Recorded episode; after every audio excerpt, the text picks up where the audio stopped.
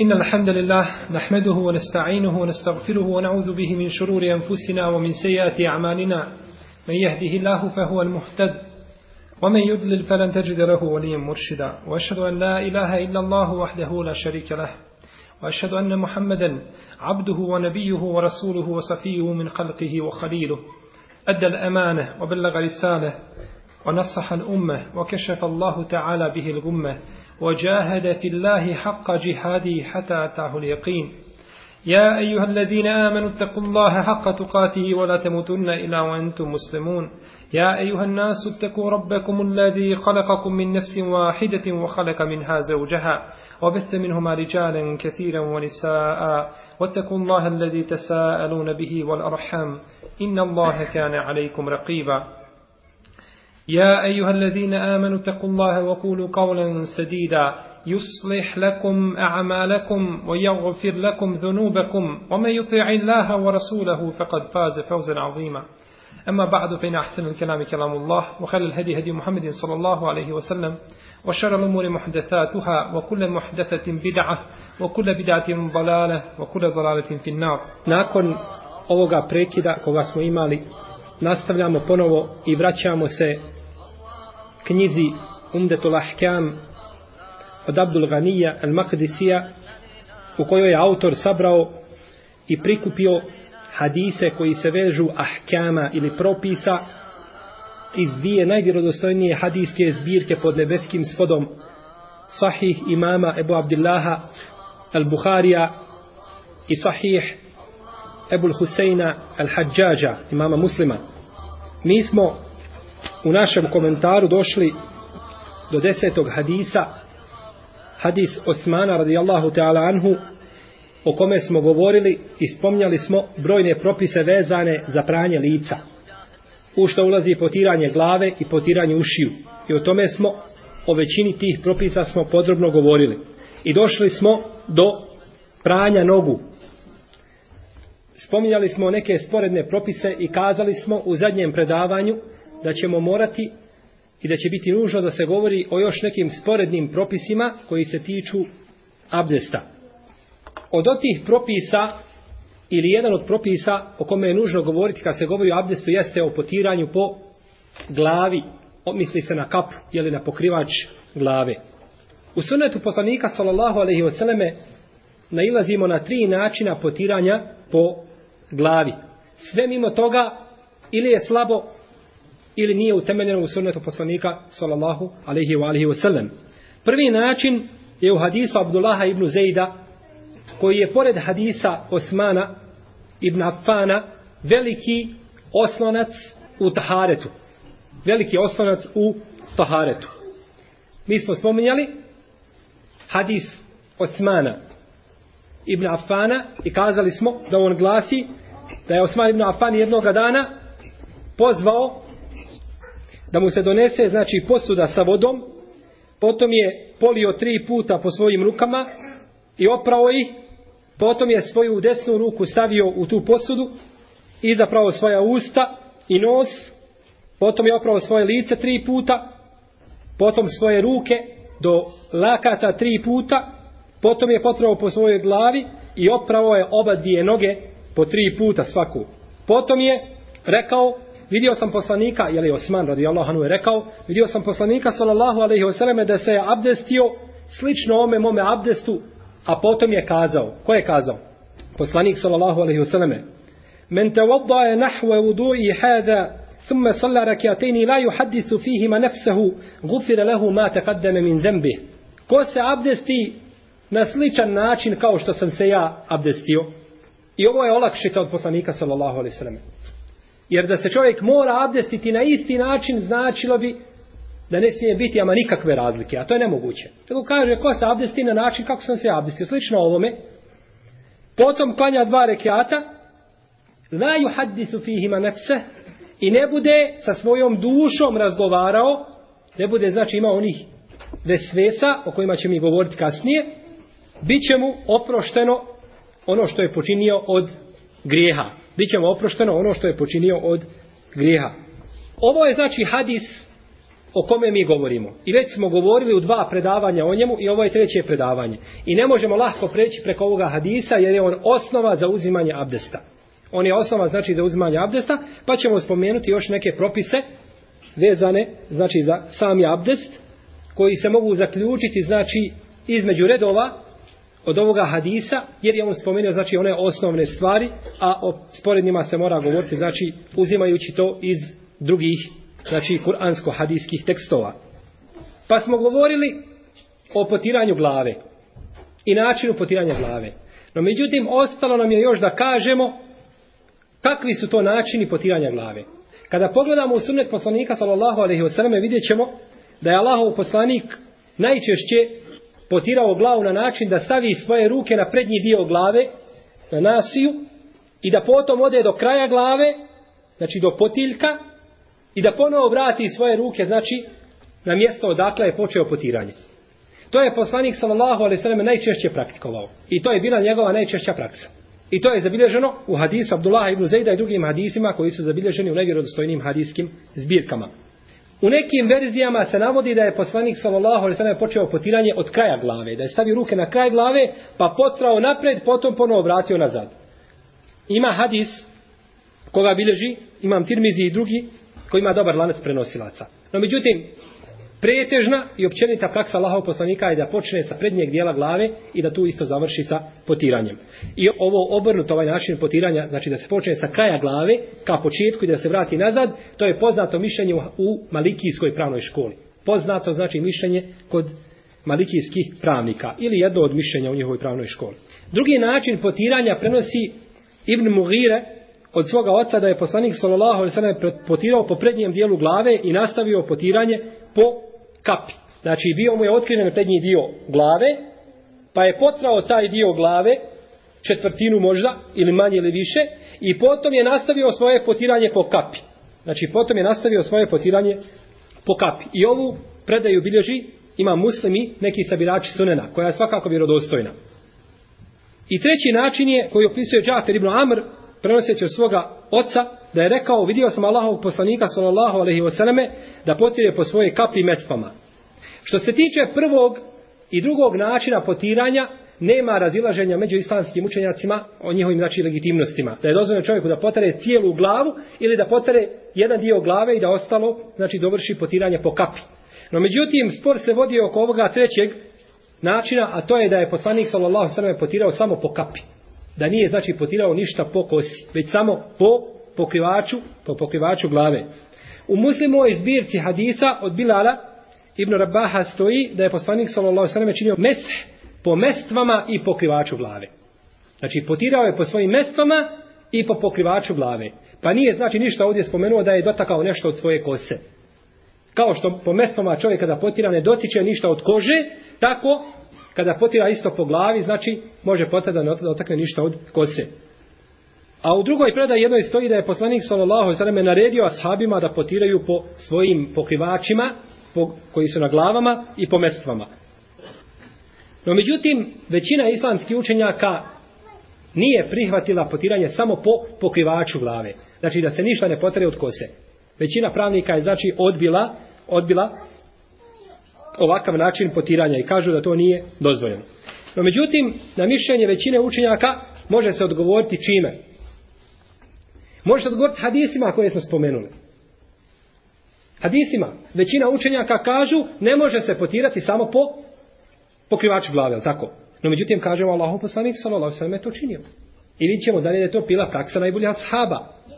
Pa se znači ovdje gledaju argumenti. Bileži imam Ibn Abi Šejbe u svome El Musannefu da je Ibn Gasile rekao, vidio sam Ebu Bekra da potire po pokrivaču svoje glave. A Nebate kaže, pitao sam Omera o potiranju po kapi, pa je rekao, ako želiš potiri po njoj, a ako ne želiš, ne moraš. Vidimo, znači da je ovo mišljenje dvojice najučenijih Allahovi robova i najboljih Allahovi robova nakon poslanika sallallahu alejhi ve selleme Ebu Bekra i Omera da su potirali znači po svojim pokrivačima koji su bili na glavama njihovim.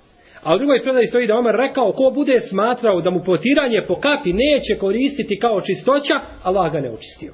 Ovu predaju bilježi Ibnu Hazm u svome dijelu Muhalla i kaže da je vjerodostojna. Od Omera radijallahu ta'ala anhu. Znači da je smatrao da je potiranje po glavi, po kapi, znači validno. Isto se prenosi od Enesa ibn Malika i Ebu Umame. Od Enesa ibn Malika i Ebu Umame. I ove predaje od Ebu Bekra i Omara, vjerodostojnim je ocijenio veliki hadijski stručnjak Ibnul Munzir.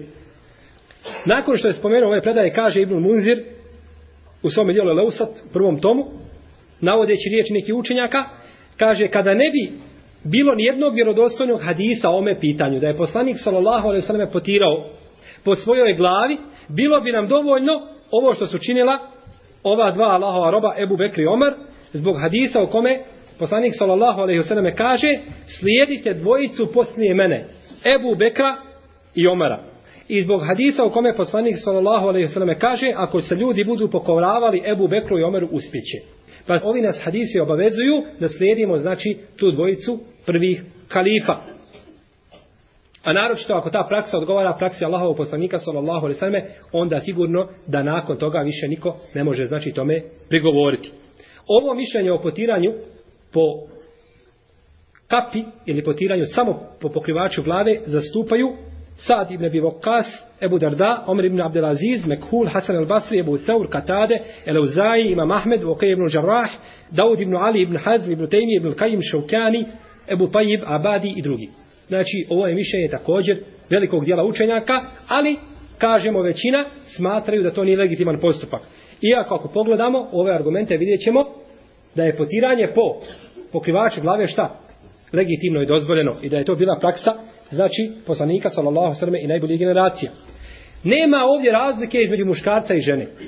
Kako muškarac potira po svome pokrivaču glave, po svojoj kapi, tako potira, znači i žena može isto potirati po pokrivaču svoje glave. Od majke pravovjernih u Museleme se prenosi da je potirala po pokrivaču svoje glave.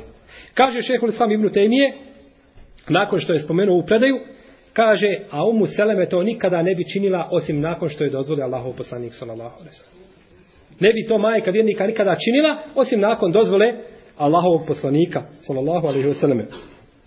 Što upućuje da je Šejhul Islam Ibn Taymije prihvatio u predaju i ona kod njega u najmanju ruku dobra. I zaista lanac prenoslaca ove predaje od majke vjernika je dobra. Tako znači da nema ovdje razlike između muškarca i žene. Potiranje po pokrivaču glave je po mišljenju nekih učenjaka uslovljeno da je taj pokrivač stavljen na glavu na punoj čistoći. Kao mestve. O čemu ćemo govoriti kada dođemo do mestvi, kada budemo govorili o uvjetima i uslovima za ispravnost potiranja po mestvama, kada ćemo da je jedan od uvjeta da budu obuvene na punoj čistoći. I objasnit ćemo šta to znači. Tako je ovdje neki kažu na punoj čistoći, to jeste nakon uzetog abdesta, što je sigurno preče što je preče i bolje.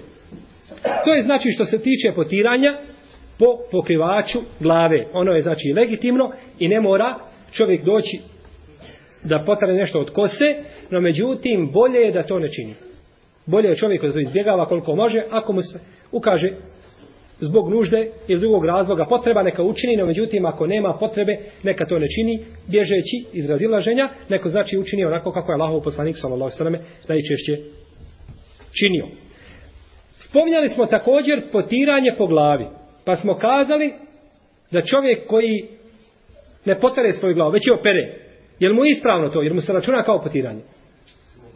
Kazali smo da se računa. Kazali smo da se računa jer on je potro i još šta? Dodao. No međutim, kažemo, učinio je suprotno sunnetu poslanika sallallahu alaihi sallam. I ukazali smo ovdje na jednu bitnu stvar, a to je da je Allah te barak je otala naredio da se peru lica i ruke i noge, ali rekao i potarite po glavama. Što mislite da je Allah Žešanu rekao i operite svoje glave? Uvijek čovjek kada hoće da abdesti, uvijek morao da pere svoju glavu. Kao što pere ruke. Možete zamisliti kakva bi to poteškoća bila za čovjeka. No međutim, iz milosti Allahove te barake od prema nama, propisano nam je samo potiranje, znači po glavi. Zato onaj ko bi pravo glavu, šta bi smo kazali za njega? Da je, šta? Novotar da pretjeruje u vjeri i da otežava sam sebi vjeru, a Allah to ne voli. Allah voli vjeru koja je lahka. Allah voli vjeru koja je lahka. No međutim, šta bi bilo da čovjek potere svoju glavu više puta? Tri puta, na primjer, potere glavu. Da li je to validno? Da li je to ispravno? Da vidimo. Ebu Davud bilježi u svome sunenu imam Bejheke i Dare Kutni i drugi od Osmana ibn Afana da je poslanik sallallahu sallam potirao svoju glavu tri puta. Za ovu predaju kaže imamo neovi da je lanac prenoslaca dobar, a da mnoštvo ovih hadisa dižu ovaj hadisa stepen, znači vjerodostojne predaje. Dobri su ga otjenili Ibn Salah, Ibn Mulekin, Ibn Huzeime i drugi. Od Alije se prenosi u opisu abdesta poslanika sallallahu alaihi wasallam da je potirao svoju glavu tri puta. Od Alije se prenosi znači da je poslanik sallallahu alaihi wasallam potirao svoju glavu tri puta. I ove predaje su neki islamski učenjaci ocijenili vjerodostojnim, kao što su imame Neovi, šejh Albani i drugi. I kaže šejh Albani u svome dijelu Temamul Minne i to je ispravno, to jeste potiranje glave tri puta. A predaje koje govore o potiranju glave jednom, iako su mnogobrojne, nisu oprečne ovoj, ovim verzijama. Od suneta je da se ponekad potire i ovako. Znači, lijepo je da se ponekad potire i tri puta. I ovo mišljenje zastupuje imam šafija, i to je poznato mišljenje u šafijskom mezhebu, i većina učenjaka šafijske pravne škole, jeli? ima Mahmed po jednoj verziji, Davud, Ibn Hazm, Ibn Džauzi, Sanani i drugi učenjaci. No, međutim, većina pravnika kažu ne. Ove predaje su iznimne i nisu ispravne, I treba raditi po predajama koje govore o potiranju glave jedan put, jer je tako najčešće činio poslanik, sallallahu alaihi wasallam. U nekim predajama se navodi da je Allahov poslanik potirao svoju glavu dva puta, kod Ibnu Mađe. Da je potirao glavu dva puta. No međutim, kažu islamski učenjaci, da se to potiranje glave dva puta odnosi da je počeo s jednog mjesta, otišao nazad da je to jedan put i ponovo vratio ruke na isto mjesto da je to drugi put. Pa su tako protumačili te predaje, a nisu znači protumačili da je potirao dva puta, jeli u smislu onoga klasičnog potiranja. Također ovdje je bitno spomenuti propis redoslijeda pri uzimanju abdesta. Da li je redoslijed pri uzimanju abdesta obavezan? Da li je to uvjet za ispravnost abdesta? Uzvišen je Allah te barak je otala u Kur'anu naredio i pojasnio nam način uzimanja abdesta. I spomenuo redoslijed znači koji se treba slediti pri uzimanju, pri uzimanju abdesta. Jedino što je došlo u hadisima jeste da je dozvoljeno odgoditi ispiranje usta i nosa nakon pranja podlaktica. Da čovjek, znači abdesti se, da opere svoje ruke šake tri puta, da potom opere svoje lice, potom podlaktice, a nakon toga izapere šta? Usta i nos. Tako je došlo u hadisu poslanika sallallahu alejhi ve selleme koga bilježi imam Ebu Davud, Ahmed, Tabarani i drugi i koga su dobrim ocijenili imam Neovi, Ibn Hajar, Šeukjani, Abdurrahman el-Benna i drugi. Da je poslanik sallallahu alejhi ve selleme odgodio znači pranje ili ispiranje usta i nosa nakon pranja podlaktica. No međutim, ovo ako je poslanik sallallahu alejhi ve selleme činio, to je bila jako rijetka praksa Allahovog poslanika, najčešće je to činio odmah prije pranja lica. Isto tako neki učenjaci smatraju kako je obaveza slijediti redoslijed kod farzova, tako je obaveza slijediti redoslijed kod sunneta. Tako je obaveza slijediti redoslijed kod sunneta, što je svakako bolje i što je sigurnije. Imam Esadi, kaže u svome tefsiru, u ome ajetu je, govori se znači o ajetu Abdesta, El Maide šesti ajet, kaže u ome ajetu je dokaz o obavezi slijedjenja redoslijeda pri uzimanju Abdesta jer je Allah te barake od spomenuo šta se čini nakon druge. I kaže to je obavezno zbog riječi poslanika sallallahu alejhi ve selleme započeće odakle je Allah naredio da se počne. Započeće odakle je Allah naredio da se počne. I u drugoj predaji stoji počećemo odakle je Allah naredio. Allah te barek tala ovdje naredio da se počne znači sa pranjem lica. To je jeli što se tiče farzova. I ovo je stav šafijskih, hambelijskih pravnika, Ebu Seura, Ebu Ubejde, Ishaka i drugi. Što se tiče hanefi, hanefijski i malikijski učenjaka, Sufjane Seurija, Eleuzaja, Lejsa ibn Sada i drugi, oni smatraju da je redosled sunnet i ne kažu znači da je obavezan. No međutim, pored ovih razilaženja, islamski učenjaci su složni da je čovjeku bolje i preče da slijedi redosled pri uzimanju abdesta. Također je lijepo koristiti misvak pri uzimanju abdesta. Da se koristi znači misvak pri uzimanju abdesta. Ebu Horeire prenosi da je poslanik sallallahu alaihi wasallam rekao da se ne bojim da će otežati svome ummetu i ovo je olakšita od poslanika sallallahu alaihi wasallam da se ne bojim da će otežati svome ummetu naredio bih im da uzimaju i da koriste misvak pri svakom abdestu. Da koriste misvak pri svakom abdestu. U drugom hadisu stoji da je poslanik sallallahu alejhi ve selleme rekao mi svakom se postiže čistoća usta i zadovoljstvo i zadovoljstvo gospodara. Tako su učenjaci četiri pravne škole složni i suglasni da je korištenje misvaka pri uzimanju abdesta sunnet, znači pri ispiranju usta ili prije toga ili posle toga kada god da se koristi, znači postići će se cilj čišćenja usta. No međutim u nekim dijelima nalazimo određene propise koji su vezani za misvak koji nemaju svoje osnove. U jednom od tih dijela ili više dijela našao sam naredne tekstove. Kaže se ovako. Misvak treba biti debljine malog prsta, pravan bez čvoruga. To je znači jedan od uvjeta za misvak. Da bude debljine malog prsta, ne debljine tanji, pravan i bez čvoruga. Ne treba se koristiti u ležećem položaju, jer to dovodi do povećanja slezene. Znači koga koristi u ležećem položaju, šta? Povećava mu se slezena. Ne treba ga obuhvatiti cijelom šakom, jer će zbog toga analni otvor oboliti od hemoroida. Znači da ga ovako obuhvati čovjek. Nego navode da treba ovako da se drži Da Ovako. Da bude znači da ovaj srednjak i do srednjak budu iznad, a ova dva i da se ovako čiste, znači zubi. No, međutim, to nema nikakve osnove u sunetu poslanika, sallallahu alaihi vseleme, jeli u hadisima koliko znamo. Ne treba stiskati misvak, jer to izaziva slepilo. Ako ga stisneš, teško ti se. Nakon upotrebe treba misvak oprati, u protivnom će šeitan njime čistiti svoja usta. Ako je misvak duži od jednog pedlja, na njemu sjedi šeitan. Znači, ako je duži, onda sjedi šeitan na njemu. Kada se ostavlja misvak, treba uspraviti, a ne treba ga položiti, jer bi njegovo polaganje moglo dovesti do ludila, onoga koga je položio. Misvak je lijek za svaku bolest osim smrti. I podsjeća čovjeka na samrtnoj posteli da izgovori šehadet i tako dalje. Brojne stvari koje se spominju, a koje nikakve osnove nemaju u sunnetu, već većina ovih stvari je u stvari ili dio ovih stvari je gajb koji se ne može znati osim putem objave. A o tome nema od poslanika sallallahu alejhi ve selleme jednog jedinog harfa. Tako da ti propisi koji se spominju nemaju svoje osnove, ne smiju se praktikovati, niti se smiju u njih vjerovati. Također nema vjerodostojnih hadisa koji ukazuju na učenje određenih dova prilikom korištenja misvaka. Znači nema ništa što ukazuje da se uče određene dove pri korištenju misvaka. Isto tako prilikom pranja dijelova tijela koji se peru pri abdestu može se koristiti nekoliko načina ili vrsta pranja.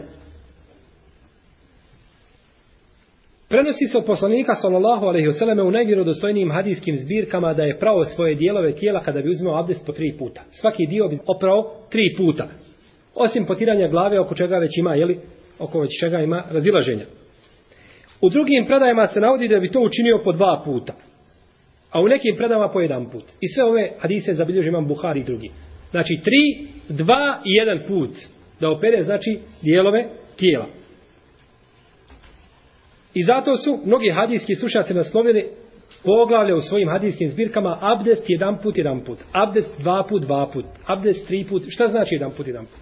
Znači svaki dio tijela pere se po jedan put. Ili po dva puta, ili po tri puta. Međutim, u sunetu poslanika sallallahu alaihi wasallam u hadisu kod Buhari Abdullah ibn Zejda se navodi četvrti način, a to je kombinirani način pranja. Pa je poslanik sallallahu alaihi wasallam oprao svoje podlaktice po dva puta, a oprao je lice i noge po tri puta. Pa je znači tu kombinirao poslanik sallallahu alaihi wasallam. Ibn Mulekin kaže da je dozvoljeno po konsensu islamskih učenjaka da se jedni dijelovi tijela peru jedan put, a drugi dva puta, a treći tri puta. Koji je najbolji, najpotpuniji način od ovih? Tri puta da se pere. Jer je tako najčešće činio Allahu poslanik sallallahu alihi wa alihi wasallam. No međutim, isto tako lijepo je čovjeku da ponekad učini jedan put. I dva put. Zbog čega? I kombinirano. Zbog očuvanja sunneta. Zbog očuvanja sunneta. Jer je poslanik sallallahu alihi činio i ovako ponekad. Pa je lijepo čovjeku da znači ponekad učeni tako i da to ne propusti kako ima Mahmed radio jedne prilike je pozvao je onoga hađama, čovjeka koji čini hijđa, i dao mu naknadu za to što je učinio. I kaže ovo je hadis po kome još nisam radio. Ima hadis da je poslanik sallallahu alejhi ve sellem pozvao hadžama, čovjeka koji čini hidžamu, uradio mu džamu, pa mu je poslanik platio. Pa je rekao Imam Ahmed kada je to čuo, kaže ima taj hadis po kome nisam radio, pa ga je pozvao i radio. Zato je čovjeku lijepo, ako po jednom hadisu nikada nije radio, da uradi bar jedan put u životu. Tako da se smatra odehl ili pripadnika toga sunta. Čovjek nikada nije klanjao vitr, na primjer, devet rekiata jednim salamom. Ili sedam rekiata, ili pet rekiata. Nikada to u životu nije praktikovao. A to je sunnet poslanika, sallallahu alaihi sallam, koji je zabilježen u najvjerodostojnijim hadijskim zbirkama. Pa neka to jedan put bar praktikuju u životu, tako da ne bude od onih koji su napustili ili koji izbjegavaju nešto od sunneta Allahovog poslanika, sallallahu alaihi wa alaihi wa. Dobro, pranje dijelova tijela više od tri puta. Je to ispravno? Ha? Nije ispravno. Nije ispravno zbog čega? Ko zna? Ma hadis. Koji je to hadis? Ja vjerujem da ima hadis. Pere da je granicu prekrači. Jes. To je hadis koga bilježi imam Ebu Davud u svome sunenu da je jedan pustinjak došao poslaniku sallallahu alaihi wa sallame da ga pouči abdestu. Pa je Allahov poslanik pred njim se abdestio perući svaki dio tijela po tri puta. Pa je rekao, ovo je abdest, a onaj ko doda na ovo ružno je postupio, nepravdu učinio i granicu prekoračio. Pogledajte, Allahov poslanik sallallahu alejhi ve sellem se tri puta abdestio. Abdestio se perući svaki dio po tri puta i potom je rekao ko doda na ovo u jednoj predaji kaže ili oduzme od ovoga. Ali ta predaja ili oduzme od ovoga nije ispravna. Nego je samo ispravna ko doda na ovo. Zbog čega nije ispravna ova druga ko oduzme? Da, zato što imaju hadisi koji govore da je poslanik sallallahu alejhi ve sellem uzeo abdest jedan put ili dva put ili tri put.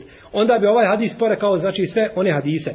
Pored toga što lanac prenoslaca ove predaje u ovome kontekstu nije ispravan.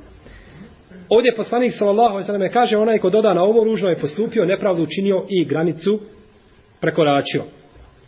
A uzvišeni Allah te barake je ne voli one koji prekoračuju granice u bilo čemu. Abdullah ibn Mubarek, poznati islamski učenjak koji umro 181. hijđarske godine, je kazao ne jamčim onome ko pere dijelove tijela pri uzimanju abdesta više od tri puta da nije griješan. I ovo je predaj zabilježio Ibn Arabi u svome dijelu Aridatul Lahvezi. Od koga? Od Abdullaha ibn Al-Mubareka. Ne rekao da ne jamči onome ko pere više od tri puta svoje dijelove tijela pri abdestu da nije griješan. A ima Mahmed ibn Hanbel i Ishaq ibn Rahavoj smatraju da to čini samo onaj koji je uistinu iskušan. Onaj koji je uistinu iskušan da tako čini, znači da pere svoje dijelove tijela po tri puta. Imam Buharija kaže, poslanik sallallahu alaihi wasallam je praktično pojasnio da je obavezno pranje dijelova tijela jedan put, ali je pravo također dva ili tri puta i nije dodavao na to. Islamski učenjaci su pokudili da se prekoračuju granice koje je uspostavio poslanik sallallahu alaihi wasallam. Pogledajte lijepi riječi vama Buharije. Allahu poslanik sallallahu alejhi ve sellem postavio granice. I kako je ružno da neko prekoračuje te granice i da se izvisuje i da se stavlja on ispred poslanika sallallahu alejhi ve selleme i propisa koje je on znači koje je on uspostavio. Također od stvari ili od pitanja ili mesela o kojima je neminovno nešto kazati koje se tiče uzimanja abdesta jeste da je pokuđeno rasipati vodu pri uzimanju abdesta da je pokuđeno, znači da čovjek prolijeva vodu preko potrebe pri uzimanju abdesta. Uzvišen je Allah te barak tala kaže i nemoj mnogo rasipati, zaista su rasipnici braća šeitanova. I kaže Allah te barak tala, on ne voli one koji pretjeruju. Ne voli Allah te barak tala one koji pretjeruju. Pa je ovim ajetima i drugim argumentima zabranjeno čovjeku da pretjeruje u bilo čemu ili da rasipa jer su rasipnici braća šeitanova. Od Enesa ibn Malika se prenosi da je poslanik, da se poslanik sallallahu sallam kupao, to jeste gusulio sa 4 do 5 mudova. To jeste do 4, sa 4 ili 5 pregršti vode se Allahov poslanik kupao, a abdestio se sa jednim mudom. Sa jednim mudom. U jednoj predaji stoji, i ovo su sve predaje braći u najvjerodostojnim hadijskim zbirkama. Ne treba nikako pitati o njihovoj vjerodostojnosti. Jer se nalaze kod Buharije i kod muslima i u drugim hadijskim zbirkama. U jednoj predaji stoji da je poslanik sallallahu alaihi vseleme abdestio tako da ništa od vode nije dospjelo na zemlju. Nimalo vode. Nijedna jedina kap nije dospjela na zemlju nakon jeli, abdesta. U predaji bliži Ebu Davud sa ispravnim lancem prenosilaca. Ponekad se je poslanik sallallahu alaihi vseleme abdestio sa dvije trećine mudda. Sa dvije trećine pregršti. Znači jedna trećina bi nedostajala. Znači sa dvije trećine pregršti bi se poslanik sallallahu alejhi ve selleme abdestio. I ovo je najmanje što je preneseno od poslanika sallallahu alejhi ve selleme u vjerodostojnim zbirkama. Znači da se je abdestio sa dvije trećine pregršti. Enes ibn Malik prenosi da je poslanik sallallahu alejhi ve sellem rekao za abdest je dovoljan jedan mud. Da neko ne bi kazao, jeste, to je bilo dovoljno Allahovom poslaniku. Pa evo, Allahov poslanik kaže da je i nama dovoljan jedan mud, jedna pregršt vode za abdest. Pa zato ono što se vidi danas od prolijevanja i prosipanja vode pri abdestu, nije sigurno nimalo pohvalna stvar. Već je pogrdna i šarijatski znači neopravdana i neispravna. Kada se čovjek abdesti ili kada se kupa, da Allah, dragi, sačuva. Ja sam čuo od jednog šehova da kaže da je tuš i sraf, pretjerivanje. Tuš kojim se mi tuširamo. Jer to je, to kaže, samo raspa vodu. Ništa drugo. I zaista je u pravu. Tiče s te strane, on je potpuno u pravu. Jer što se čovjek okupa tušom, možda bi se u vrijeme Allahu poslanika moglo okupati čata ljudi. Skoro mi je čovjek pričao, tuširam se, kaže, od 8 na veče do 2 po ponoći. 6 sati se tuši. Okupam prvo sebe. I kaže onda, kaže, na meni je sigurno bilo nečistoće. I kaže, taj nečistoća, kaže, poprskala po kupatilu ili kadi, već gdje se kupa, pa to kaže sa perem. No, međutim, kaže, kad to sa perem, kaže, onda je nešto došlo na mene. Ne, nevinovno je, kaže, da se opet vrati nešto na mene. Pa tako šest sati pere sebe kupati. Treba mu 100 kubika vode, tako da, sigurno, da se na ovaj način vodi do velike potrošnje vode. Znači da se odvrne česma i da voda curi i da čovjek ne pazi.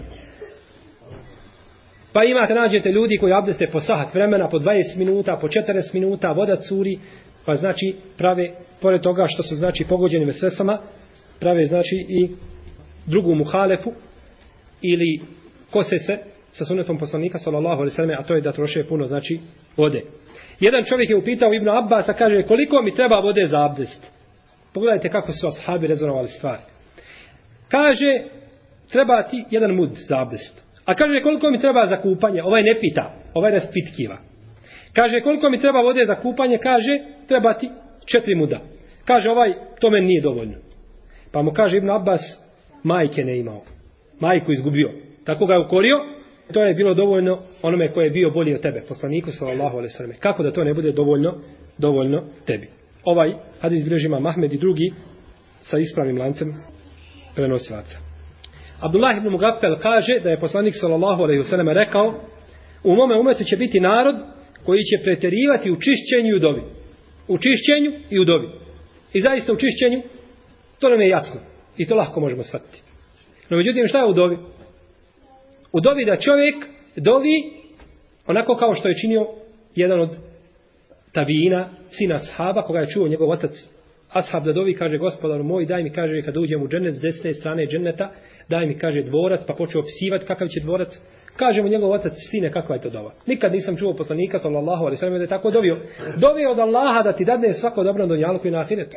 A nemoj, znači, pretjerivati u toj dovi, da svoj sebi dunjalučkim mozgom, krnjavim mozgom opisuje šta hoće u džennetu.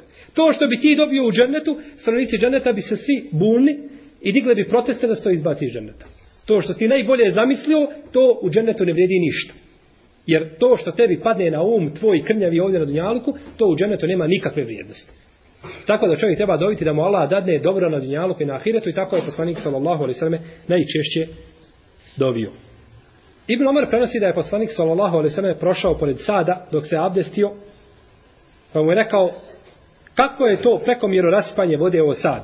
Pa je rekao Zar i kod upotrebe vode može da bude raspanja?" Voda. Zar i kod vode može biti raspanja? Pa je rekao poslanik sallallahu alejhi ve sellem: da čak ako si i na rijeci koja teče. Znači kad se nalaziš na rijeci koja teče, nemoj rasipati. Na šta nam ukazuje ovaj hadis? Šparanje u redu sigurno. Šparanje u posebnim uvjetima. Šparanje kada imaš. Kada si u najvećem raskošu, rijeka teče ispred tebe, možeš se polijevati, kori, rasipao na raspao isto, rijeka se neće umanjiti. No međutim, nemoj ni tada. Pogledajte šarijata i vjere kako su umjereni. Kad najviše imaš, nemoj raspati, jer možda jednoga dana nećeš imati. A i ako imaš, nemoj pretjerivati, jer Allah ne voli one koji pretjeruju gdje? U, u mubahu. Jer rasipanje, braćo, biva u mubahu. Nije raspanje u haramu. Nije raspanje da čovjek ide da pije alkohol. To nije raspanje. To je haram. Rasipanje je da čovjek prekomjerno jede halal hranu. Da prekomjerno pije halal piće. Da prekomjerno kupuje sebi halal odjeću. To je rasipanje. Rasipanje je u halalu, a nije u haramu. Haram je nešto drugo. Ovdje čovjek grije. Allah ne voli, Allah ne voli rasipanje. No, međutim, ovaj hadis oko njegove vjerodostojnosti postoje razilaženja. Ja sam našao da je šeh Albani u sedmom tomu svoji sirsila pod kraj svoga života sami ocjenio ovaj hadis ispravnim. A prije toga uvijek govori da je hadis slab. Da je hadis slab, slab i na kraju svoga života u sedmom tomu silsila, to je zadnje što je štampa njegovog života, je vratio se i kazao da je hadis vjerodostojan. Čovjek možda 30 ili 40 godina tvrdi da je jedan hadis slab i nakon toga kaže vjerodostojan. Pogledajte šta je znanje. Znači da se znanje stiče cijelog cijelog života i da čovjek uvijek ima mogućnost da se vrati znači sa onoga što smatra da nije ispravno. U svakom slučaju oko vjerodostojnosti hadisa postoji spor. U jednom hadisu koji je potpuno ništavan stoji da je poslanik sallallahu alejhi ve sellem vidio čovjeka koji se abdestio, pa mu je rekao ne prolijevaj, ne prolijevaj. No, međutim, moj hadis je slab. Ovdje je lijepo navesti riječ Ibnu Munzira koji kaže složili su se svi učenjaci koje poznajem da je za uzimanje abdesta dovoljan jedan mud vode, a za kupanje četiri s tim što nije obaveza ograničiti se na tu mjeru. Ovo su stvarno riječi koje zlata vrijedi. Do, svi su se složili da je to dovoljno i da je to najbolje. Ono što je dovoljno, to je najbolje. Ali nije obaveza čovjeku da se ograniči na to. Ako potroši više od toga, ne smeta. No, međutim, ne treba znači ući u granicu, u granicu rasipništva i u granicu rasipanja. Isto od pitanja ili od mesela koje se vežu za abdest jeste pomjeranje prstena prilikom uzimanja abdesta. Pomjeranje prstena. Da li je pomjeranje prstena legitimno i da li prsten treba pomjerati? Od Ebu Rafije se prenosi da je poslanik sallallahu alejhi ve selleme uzimajući abdest pomjerao svoj prsten. Isto se prenosi od Alije i Ibn Omara. No međutim sve tri ove predaje su slabe, nisu vjerodostojne. Nema vjerodostojnog hadisa od poslanika sallallahu alejhi ve selleme o pomjeranju prstena. Najbliže prvim generacijama što ima jeste od Muhammeda ibn Sirina, poznatog tabina, da je on pomjerao svoj prsten pri uzmanju abdesta, kako bilježi imam Buharija u svome sahihu. Imam Šaukjani u Nelovu taru kaže, ovaj postupak ibn Sirina ukazuje na pomjeranje prstena pri uzimanju abdesta kako bi se otklonila eventualna nečistoća ili prljavština koja se nalazi ispod prstena, koja je znači obično tu nakopi. No međutim, ako je prsten tijesan, ovo je bitno što su fakihi spominjali, ako je prsten tijesan uz prst, onda je njegovo pomjeranje obavezno po mišljenju učenjaka hanefijske, šafijske i hambelijske pravne škole. Znači, hanefije, šafije i hambelije kažu mora se tada pomjeriti. Ako je prsten dovoljno labav na prstu i može voda doći, nije obavezno pomjeranje. Ali je bolje da čovjek pomjeri, radi sigurnosti. No, međutim, ako je tijesan prst, tada mora, jer postoji velika vjerojatnoća da neće dospjeti ništa od vode, znači na svako mjesto ispod prstena, pa onda ga mora pomjerati po mišljenju učenjaka ove tri pravne škole. Potvrda ome jeste predaja Ebu Temima u kojoj se navodi da je ušao sa još nekoliko tabina kod Omara, Ibn Hattaba. A ovu predaju zabilježio imam Tahavija u svome dijelu Muškilo Lacar u 13. tomu. Kaže, Ebu Temim da je ušao sa još nekoliko tabina kod Omara, a jedan od njih je imao prsten. Omer radijallahu anhu vidjevši to rekao mu je kako se možeš abdestiti sa prstenom. Kako se kaže možeš abdestiti sa prstenom?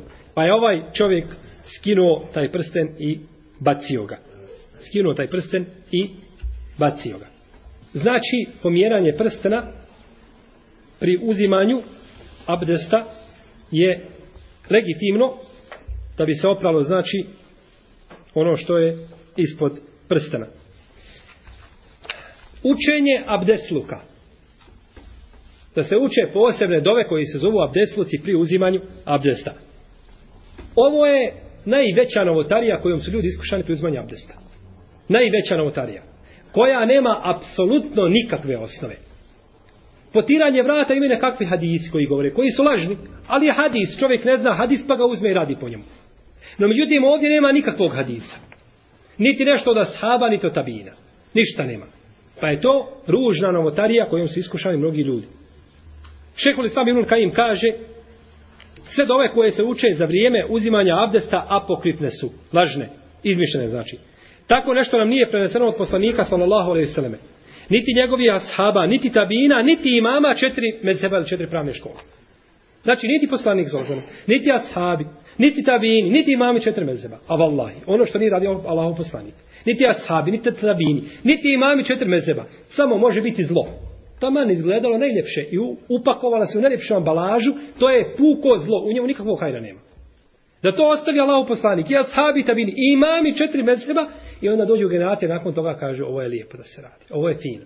Ne može vallahi biti fino, samo može biti zlo.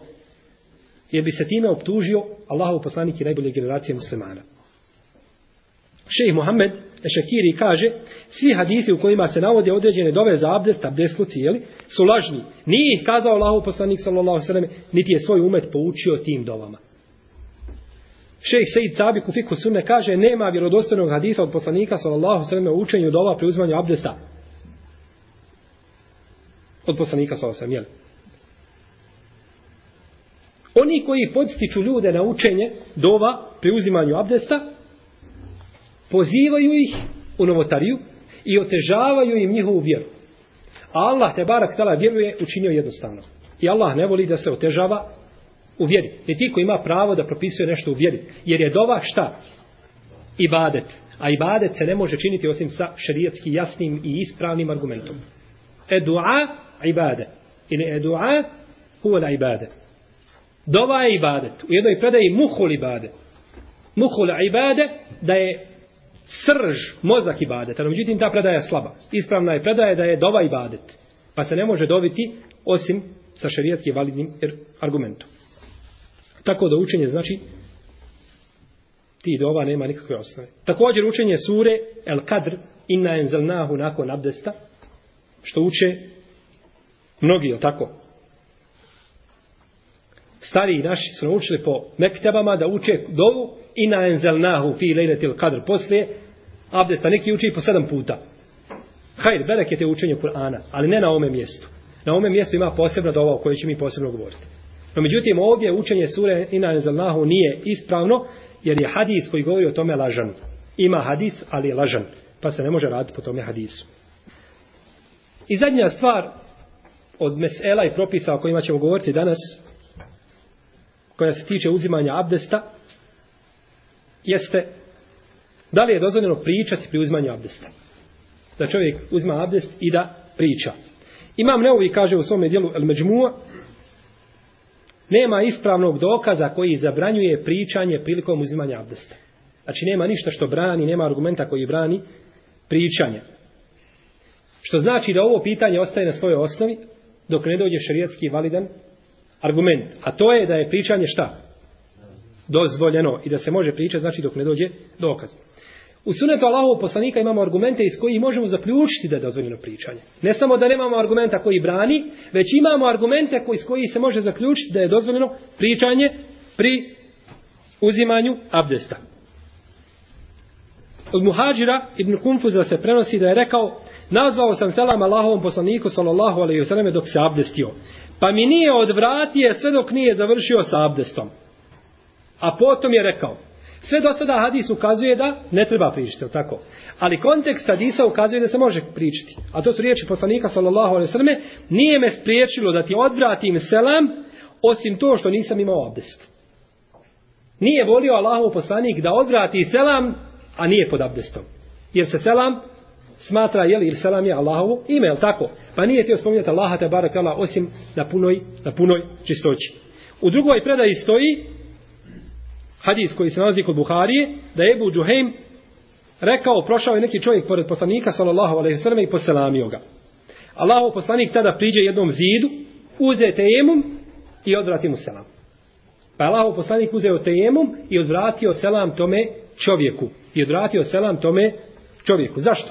Da ne spominje Allaha te barek utala, a da nije na punoj jeli, čistoći. Neki učenjaci koriste hadis Umuhani Muhani da je dozvoljeno znači razgovarati pri uzimanju abdesta, kada je došla na dan oslobođenja Mekke kod poslanika sallallahu alejhi ve sellem dok se je gusulio iza zastora, koga je postavila i nazirala njegova kćerka Fatima. Pa mu je nazvala selam poslaniku sallallahu alejhi ve selleme. Pa je poslanik rekao: "Ko je to?" Ona reče: "Ja sam Ummu Hani." Kaže: "Ja sam Ummu Hani."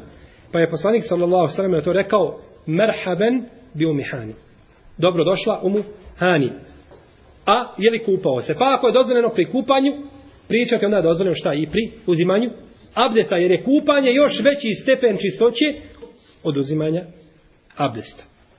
Ovim bismo spomenuli znači neke propise na koje smo ukazali u našem zadnjem predavanju jeli u ciklusu medrese komentara hadisa Umdetul Ahkama ostalo je još da govorimo o dovi koja se uči nakon abdesta i da spominjemo nešto kratko o pranju nogu i da spomenemo ostali dio hadisa, znači o kome se kaže ko abdesti ovako kako sam ja abdestio, potom klanja dva rekiata, da spomenemo nešto to, o ta dva rekiata i onda ćemo nastaviti inša Allah narednog puta da završimo ovaj hadis Osmana radijallahu ta'ala anhu koji je bio sigurno najveća psovina vezano za taharet i za uzimanje znači abdesta. I u njemu je najviše propisa koji spominju jeli, koji se vežu za abdest kao što isto kao što se spominje u hadisu Abdullaha ibn Zejda i drugi hadisi. Tako da će znači biti ovaj hadis glavni temelj, biće glavni temelj za uzimanje abdesta, tako da kada budemo spominjali neke druge hadise u kojima se navode propisi slični koji su spominjani znači ome hadisu,